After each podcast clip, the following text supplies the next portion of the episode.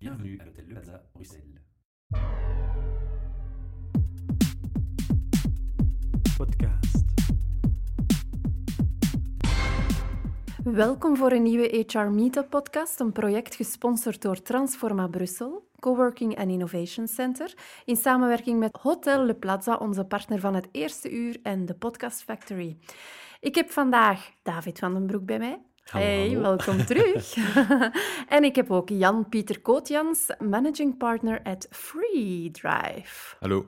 Welkom. Jij gaat ons vanavond van alles vertellen over free drive, safe driving. Maar we gaan eens beginnen met jezelf een korte voorstelling te laten doen. Ik zou voorstellen van als je terugdenkt naar je, aan je kinderdroom tot vandaag, wat is zo je parcours geweest? Wat zijn de dingen die je hebt meegepakt? Wat zijn de dingen die je hebt laten liggen onderweg? Ik zou zeggen, ga je gang. Ja, als kind wilde ik eigenlijk eh, privédirectieve worden, dus daar is niet veel van eh, Ah, overgebleven. Er staan nog cursussen voor, hè, Ja, dus je kunt er nog Ah, altijd aan starten. Ja, Had jij dan ook zo'n doos zo? Ja, hè? Dat ja. was dan uw kerstcadeau of weet ik veel wat? Ik Ah, had, eh, ik had inderdaad wel wat materiaal, zo echt een verrekijker en eh, De fake snor. Maar ehm, dan eigenlijk, eh, ja, dan gaat het door het middelbaar eigenlijk en moet je niet veel kiezen. Eh allee, of Latijn of wiskunde of moderne talen. Maar, ehm, en dan heb ik de keuze gemaakt om te gaan economie te gaan studeren. Ik heb gekozen tussen productontwikkeling en economie eigenlijk. Ik heb uiteindelijk voor economie gekozen omdat ik dan meer mogelijkheden zou hebben Een achteraf. strategische keuze dus. Ja, inderdaad, een strategische keuze. Omdat ik eigenlijk niet iets heel specifiek wilde, of niet iets heel specifiek in gedachten had, eh, heb ik het, de keuzemogelijkheid eigenlijk uitgesteld, ah, de keuze eigenlijk uitgesteld tot later. En dat ben ik eigenlijk, laten we zeggen, bijna blijven doen tot ongeveer vorig jaar, toen ik ontslag heb genomen bij eh NBS Logistics om zelf iets te beginnen. In die periode eigenlijk van mijn ontslag, eh, toen mijn ontslag liep eigenlijk, ben ik in contact gekomen met Barefoot Studio, de start-up studio, en hebben ze mij daarvoor gesteld om op, om op een van hun projecten te komen werken. Zijn de Free Drive. Amai, schitterend. Zeg maar, dus je hebt opeens beslist van je, je vaste job vaarwel te zeggen en op jezelf te beginnen. Kun je, kun je eens Ja. wat meer vertellen over dat parcours dat er vlak vooraf eh, is gegaan? Ja, dat was eigenlijk al wel, eh, wel een, laten we zeggen, een tijdje bezig. Ik had al eh, verschillende dingen proberen oprichten eigenlijk na mijn uren. Maar ik was tot de conclusie gekomen dat iets proberen op te richten na je uren, zolang als je er niet 100% energie kunt insteken, ga je er niet uitkrijgen wat er, wat, gaat het potentieel niet, er niet uithalen. Ja. Dus eh, vandaar dat ik had gezegd van ja, als ik iets wil doen, moet ik het een kans geven. En eh, Mhm. heb ik toen eh, die kans gegrepen. Ja. En dan lanceert je, denk ik. Vertel. Ja, dus allee, ik had oorspronkelijk een, een ander idee. Ik wou een, een digitaal marketingbureau oprichten. Dat was mijn oorspronkelijke idee. Dat was ongeveer vorig jaar. Daar was ik dan ook mee begonnen. Mhm. Ik had eigenlijk mijn eerste klant. Maar dan kwam ik in contact eigenlijk met, met eh, Startup Studio. En dan dacht ik, ja, daar ga ik toch meer kunnen leren eigenlijk. Daar zijn eigenlijk omkaderd door een aantal mensen. Het, is- het idee is iets ambitieuzer. Om te zeggen, het product is... Er, is langer, er moet langer aan gewerkt worden voordat je er iets kunt uithalen. Het is, het is geen service, het is echt een product. En dat moet eerst, dat moet eerst gebouwd, gebouwd worden. Dus ja, daar zijn we nu eh, al... Daar, daar ben ik nu ongeveer een tiental maanden mee bezig. Eh, we hebben al een versie 1 eh, getest met een, met een aantal klanten. Die is, die is goed bevonden. We hebben die een klein beetje gefine-tuned. En die is nu eigenlijk juist deze week klaar voor uit te rollen eigenlijk bij, bij, die, bij die bestaande klanten en bij nieuwe klanten. Nu, ik als volledige leek, wat moet ik mij precies voorstellen? Want, want we, zijn aan het spreken over het product dat Ja. ehm, al een eerste versie heeft, nu klaar is met, met een nieuwe versie. Daar zijn positieve reacties op gekomen. Ja, Wat is het precies? ik zal beginnen met, met het probleem. Eigenlijk, het probleem is het gebruik van de smartphone achter het stuur. hè. We weten, de mensen... Halleluja. de mensen zijn, eh, zijn eh, altijd... Allee, zijn heel vaak met hun smartphone bezig. Op zich is dat geen probleem, behalve als je het doet tijdens het rijden. Want tijdens het rijden brengt je niet alleen jezelf, maar ook voornamelijk anderen in gevaar. Twee weken geleden is er in Brussel nog een 85-jarige voetganger overreden en gestorven door een, eh, een bestuurder die een smartphone in de hand had toen hij een bocht nam. Dus dat is eigenlijk dat is het probleem dat we, hebben, dat we hebben gezien. En daarvoor is er een oplossing eh, gekomen in de vorm van een product. Zijn een applicatie in combinatie met een drivepad die in de wagen wordt gelegd. Die drivepad is een klein, laten we zeggen, een kleine beacon, dus een Bluetooth-bakje, dat in de wagen wordt gelegd. Eens dat je met die applicatie op je telefoon in de wagen komt, activeert die applicatie. En als je de gsm dan in de hand gebruikt, krijg je eigenlijk eh, berichten van de telefoon die je zegt van de telefoon neer te leggen. Dus het is eigenlijk maken we het onaangenaam om de telefoon te gebruiken achter het stuur. Het is eigenlijk hetzelfde principe als de veiligheidsgordel. Mhm. Dus als je je veiligheidsgordel niet aandoet, krijg je die biep, biep, biep, biep. Hier is het eigenlijk omgekeerd, als je de telefoon gebruikt, krijg je een gelijkaardige biep, biep, biep, biep. En dan kan je toch niet doen wat je wou doen, want je krijgt continu pop-ups en, en Je berichtjes. kan het uiteindelijk wel doen, zoals je uiteindelijk kan rijden zonder de veiligheidsgordel. Maar er zijn niet veel mensen die het doen. Allee, ik ken er toch niet veel. Mhm. Dus uiteindelijk past de mensen hun gedrag wel aan. Maar je kunt dat ook perfect terug uitzetten, die applicatie. En de enige manier om de applicatie, laten we zeggen, uit te zetten, is door ze te verwijderen. Mhm. Of het Bluetooth-bakje thuis te laten. Ja, inderdaad. Maar dus, we, werken, we werken eigenlijk ook B2B, dus we werken voornamelijk voor bedrijven. Ah, ja. En stel dat een bedrijf 100 wagens heeft en ze installeren op, het op 100 wagens, heeft de verantwoordelijke van het bedrijf, de fleet manager, ook een zicht op, op de personen die het geïnstalleerd hebben en, de personen, en het gebruik van die personen. Stel dat een persoon het twee weken niet gebruikt, dan, dan gaat er een, een soort van pop-up komen voor de fleet manager en dan kan hij zien van, tja, die persoon gebruikt het precies niet correct Ja. en ik kan hem daarop aanspreken. Zijn jullie ook in onderhandeling met autoconstructeurs zelf? Of, eh, Niet zozeer met autoconstructeurs zelf, wel met de verzekeringsmaatschappijen, leasingmaatschappijen en eh, verzekeringsmakelaars. Eh, de autoconstructeurs zelf mm, zijn andere systemen aan het ontwikkelen, zoals het verbinden van je telefoon met je dashboard, waardoor je gemakkelijker via je dashboard je berichten kan lezen en dergelijke. Nu, Is dat zoveel beter, denk ik dan. Maar bon, dat is misschien een ander debat. inderdaad. Ja, maar ik vind het op zich wel een heel mooi idee. Van, want zover was ik eigenlijk nog niet. Ik dacht van oké, als particulier kan ik die applicatie installeren. Voor mijn man bijvoorbeeld, die continu op zijn smartphone zit. en waar ik mij constant aan erger. Maar inderdaad, hè, iedereen rijdt hier tegenwoordig met bedrijfswagens rond. Maak dat een verplichting. Hè? Maak dat een, Ja, eh, een vast onderdeel van, van, van uw wagenpark. En, en... Ja, eigenlijk, eigenlijk is het de plicht van de werkgever om een, een veilige werkomgeving voor zijn Ja. Werknemers te voorzien. En, en stel dat de, de werknemer met een wagen van het werk, een smartphone van het werk, aan het rijden is en een mail stuurt voor het werk en vervolgens tegen een boom rijdt. Nee. nou, heeft die werkgever dan echt de, zijn plicht gedaan ah, met betrekking tot het voorzien van een veilige werkomgeving?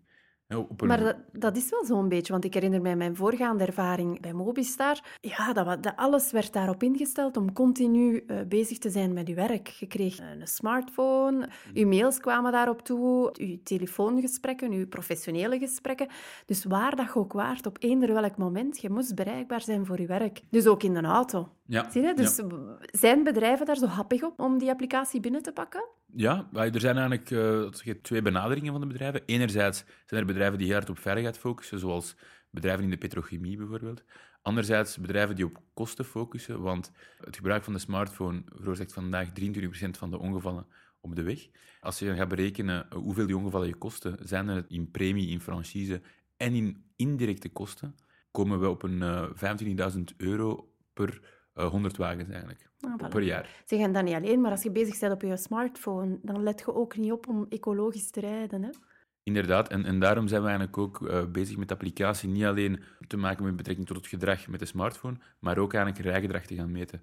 En, het, en dat rijgedrag dan met betrekking tot eco- en defensief rijden. En eigenlijk als we de combinatie van die twee hebben, hebben we een, een nog veel sterker product en, eh, en Ja. zijn de besparingen overduidelijk voor de werkgever. Maar dus de applicatie heeft twee luiken. Aan de ene kant vermijden van die smartphone te gebruiken. Hè? Ja. Echt er alles aan doen Ja. om de bestuurder echt geen de gewoonte af te leren eigenlijk Voilà. van die smartphone, vast te Smartphone, die grijpen heb ik niet tijdens het nodig. rijden. Ja. Dus dat is het eerste luik. En daar worden ook statistieken opgetrokken of zo. Heb ik daar, dat, dat, Ja, dat klopt. had- Er- Eigenlijk krijg je een soort van... eh, je weet hoeveel afleidingen heeft welke persoon gehad tijdens welke rit. Dus je hebt eigenlijk een soort van score. Dus je kan bijvoorbeeld, als we een bedrijf hebben met 100 mensen, gaan er mensen zijn met een score van 100 die hun smartphone nooit vastnemen. hè. Die hebben een perfecte score. En een ander met een score van rond de 50 die af en toe tijdens het rijden toch hun, hun smartphone eens eh, vastnemen. En dan heb je mensen die continu met dat spel in hun handen zitten. Ja, en die dan waarschijnlijk als eerder tegen de nul aan zullen zitten. Ja. Dus dan kan je heel duidelijk zien eh, het gedrag van de, van de dus dat is het eerste luik. En dan heb je het tweede luik. Rijstijl gaan. Ja, defensief rijgedrag eigenlijk. eh, ja. En hoe doen we dat dan? Dus daar zijn we eigenlijk... Dat is nu in ontwikkeling. Ja. Dus, ehm, Is dat het, de verbetering en de ontwikkeling die je net vermeldde na ja, de ja, eerste klopt. fase? Ja, ja, Oké. ja. Dus dat is eigenlijk die, ehm, de verbetering. Dus we gaan eigenlijk vier factoren meenemen. Dat zijn één, versnelling. Mhm. Het, het aantal keer dat de persoon hard versneld heeft. Afremmen, het aantal keer dat de persoon hard afgeremd heeft. Drie, overdreven snelheid. Dus we gaan kijken, heeft de persoon sneller gereden als toegelaten was? En vier, cornering. Dat is eigenlijk, eh, gaat de persoon relatief snel door de bocht? Of te snel? Ik ga even advocaat van de duivel Ja? spelen. Wat gebeurt er als ik mijn smartphone gebruik als GPS in de wagen? Ja, geen probleem. Dus ehm smartphone zit dan in, in een hou- wordt dan in een houder gezet. Hè? En ehm, ja, die, die, ehm, die situatie, daar, daar, daar heeft FreeDrive eigenlijk geen probleem mee, zogezegd. Dus daar ga je geen slechte punten voor krijgen, nog voor gebruik van de smartphone, nog voor defensief rijden. Dus FreeDrive gaat eigenlijk activeren. Er is eigenlijk een, een algoritme dat gaat kijken wanneer je de smartphone in de hand beweegt. Hè? Wanneer het scherm ontgrendelt en de smartphone in de hand beweegt, dan eigenlijk worden er zogezegd punten afgetrokken. Misschien praktisch voor Mhm. mensen luisteren, qua verbruik van de app op je smartphone. Ja, dus momenteel zitten we tussen de 2 en 3 procent batterijverbruik eh, per uur dat je rijdt. Dus dat is schappelijk voor de meeste mensen die een parcours van rond de 40 minuten hebben eh, op en af. Eh, die zullen tussen de 5 en 6 procent verbruik hebben van hun eh, batterij. Dat is inderdaad heel zuinig, denk ik dan. Als ik dan even kort uitreken. Ja, ja. Als je Nee, nee, we naar hebben we verplaatsingen in, in, ja, in België, denk ik... eh, Ja, ja, dat klopt Dat wel. dat nog wel Ja. moet lukken. ja, maar dat zijn, dat zijn wel punten waar we hard naar kijken, omdat we weten dat dat heel, eh, Heel belangrijk, hè? heel belangrijk is. Hè. Mm. Dat hebben we ook gemerkt in onze eerste laten we zeggen, trials eh, zes maanden geleden. Ja. Eh, als een applicatie meer dan 10% eh, verbruikt, dan zijn de mensen direct... eh, willen ze er vanaf. Ja, willen Ja. er direct vanaf. Je spreekt over samenwerking met bedrijven, leasemaatschappijen en zo. Hoe, hoe groot eh, ja, is die klantendatabase vandaag al? Dus vandaag zijn we met een eh, tiental eh, klanten aan het trialen, dus Ja. die, aan, die die applicatie gebruiken. En waar we nu gaan overgaan naar een volgende fase, zijn de implementatie op de rest eh, van hun vloot. Er, er, zijn ook verzeker, ah, er is ook een, een verzekeraar die het wilt gaan lanceren in B2C, dus eigenlijk een soort van promocampagne doen en, en daarbij het aanbieden aan zijn, aan zijn klanten. De makelaars nemen het ook al vaker mee eigenlijk naar hun klanten, in een breder preventiepakket als, als onderdeel daarvan. Dus ja, we zijn, ah, we zijn in volle expansie, laten we het zo zeggen. Ja. Op welke... Mogen wij rekenen op Android? eh, Android en iOS. Dus, eh, dus voor iPhone en voor alle Android-telefoons. Ja. Ja, ik kan het even vragen, want ja, ik weet dat meestal de Windows-telefoons zijn zo wat... Vallen een beetje uit de boot. voilà. Dat is meestal wel Er zo, zijn ja. nogthans wel bedrijven die geïnteresseerd zijn, maar die Windows-phones hebben. Maar ja, het weegt voor ons niet op om voor 200 telefoons... eh, Ja, nee, nee, dat is te begrijpen. ja. En ik denk sowieso, eh, als je kijkt naar de toekomst toe... Allee, ja. Zeg, en hoe, hoe werkt dat dan? Dus ik ben een bedrijf, ik heb, ik zeg zo maar iets, hè, 2000 auto's in mijn eh fleet. Mhm. En ik hoor spreken over deze applicatie. Of, of is het eerder jullie die proactief op mij gaan afstappen en zeggen van zeg... De twee gebeuren. Hè. Dus eh, we hebben enerzijds bedrijven die ons contacteren via de website, Ja. die van ons gehoord hebben op het nieuws of in een artikel Mhm. of dergelijke. En anderzijds gaan wij ook zeer proactief bedrijven gaan contacteren uit de sector, ook vi- via bepaalde organisaties in de sector, federaties en dergelijke, Ja. gaan we de bedrijven contacteren. Interessant om te weten is ook dat ehm, de Vlaamse regering FreeDrive ook zal subsidiëren. Er is dus een, eh, een, een soort van flankerend beleid. Dat is voor de transporteurs, dat is voor de, voor de laten we zeggen, de transportbedrijven, dus met de camions. Dus een flankerend beleid eigenlijk bij de kilometerheffing. Ze willen Mhm. eigenlijk een deel van, het, eh, van de financiën laten terugvloeien naar de bedrijven als zij investeren in veiligheidsverhogende maatregelen. Mhm. En FreeDrive is één van die maatregelen. Ik ben nog altijd dat bedrijf met die 2000 auto's. Ik vind dat eigenlijk wel plezant om dat zo even te spelen, maar bon, bref. Het interesseert mij om dat te hebben, Ja. die tool. Want ik denk dan van, al dat geld dat ik daarmee kan uitsparen en zie en la. Hoe werkt dat dan? Hoeveel gaat mij dat kosten? Wat wij voorstellen dan altijd is dat het bedrijf of, of het het HR-departement met de fleet manager eh, de applicatie eh, tien dagen gebruiken.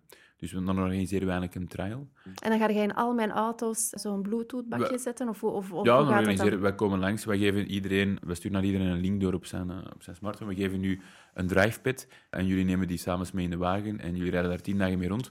We doen een debriefmeeting, uh, jullie vertellen ons over, over jullie feedback en kijken hoe we verder eh, de applicatie kunnen implementeren.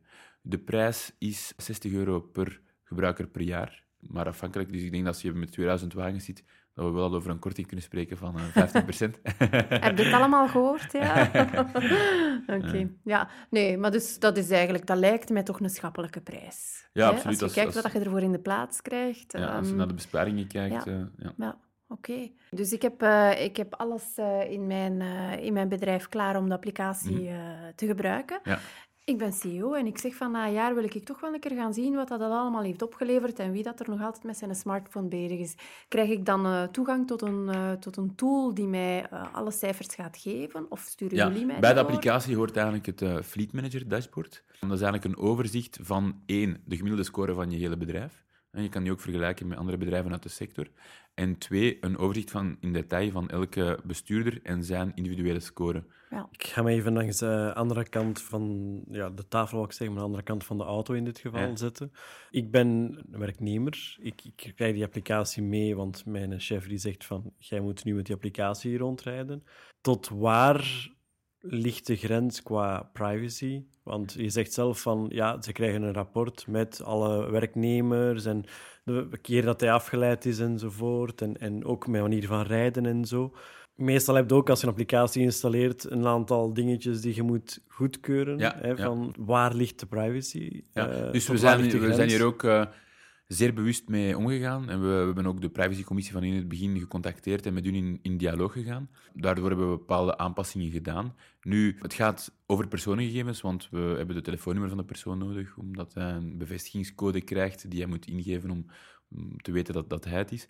Maar vanaf daar eigenlijk kan de werkgever controleren, indien de wagen en de smartphone van de werkgever zijn, of de persoon de, de smartphone gebruikt of niet tijdens het rijden.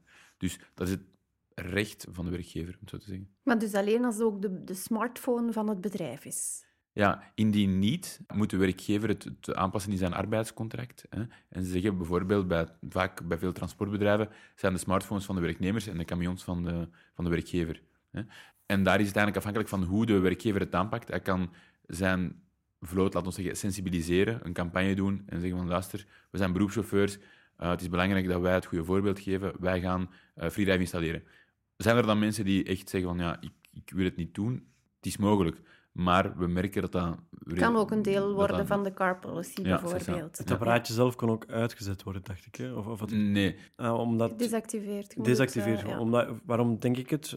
Vandaag de dag, frequent gebruik. Mensen hebben een, een bedrijfswagen, hebben een gsm van het werk. Maar vandaag de dag heb je ook een gedeelte privégebruik. Zowel qua bedrijfswagen als telefoongebruik. mhm. Mensen mogen ook met hun bedrijfswagen op reis gaan. Ja. Mogen ook, dus in dat geval... moeten ze instemmen inderdaad met het eh, weergeven van de gegevens tijdens hun privégebruik, ja.